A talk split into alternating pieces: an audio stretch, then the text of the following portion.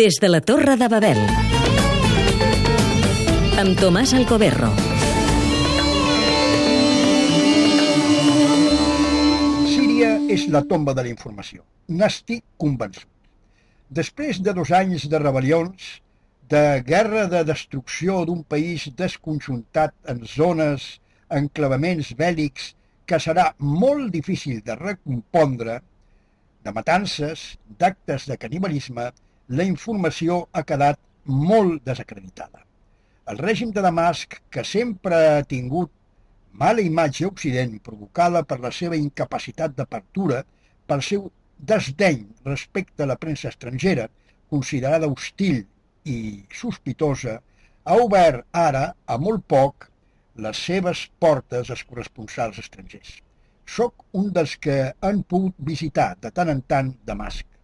Gairebé tots els altres periodistes han anat a la regió del nord, que fa frontera amb Turquia, a la ciutat d'Alep, amb els grups rebels.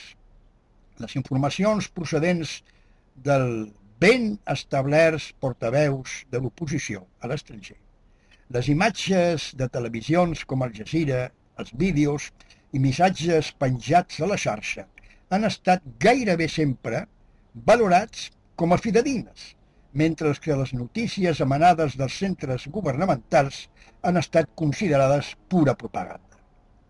Aquest enorme fenomen de desinformació, per una i altra banda, d'escandaloses manipulacions, ha enfosquit més la història d'un conflicte complex que les ingerències internacionals l'han convertit en un trencaclosques explosiu l'existència de xarxes socials que ningú és capaç de controlar ha agreujat l'esquizofrènia d'aquesta nació cap de turc d'inextricables projectes sobre un futur de l'Orient Mitjà.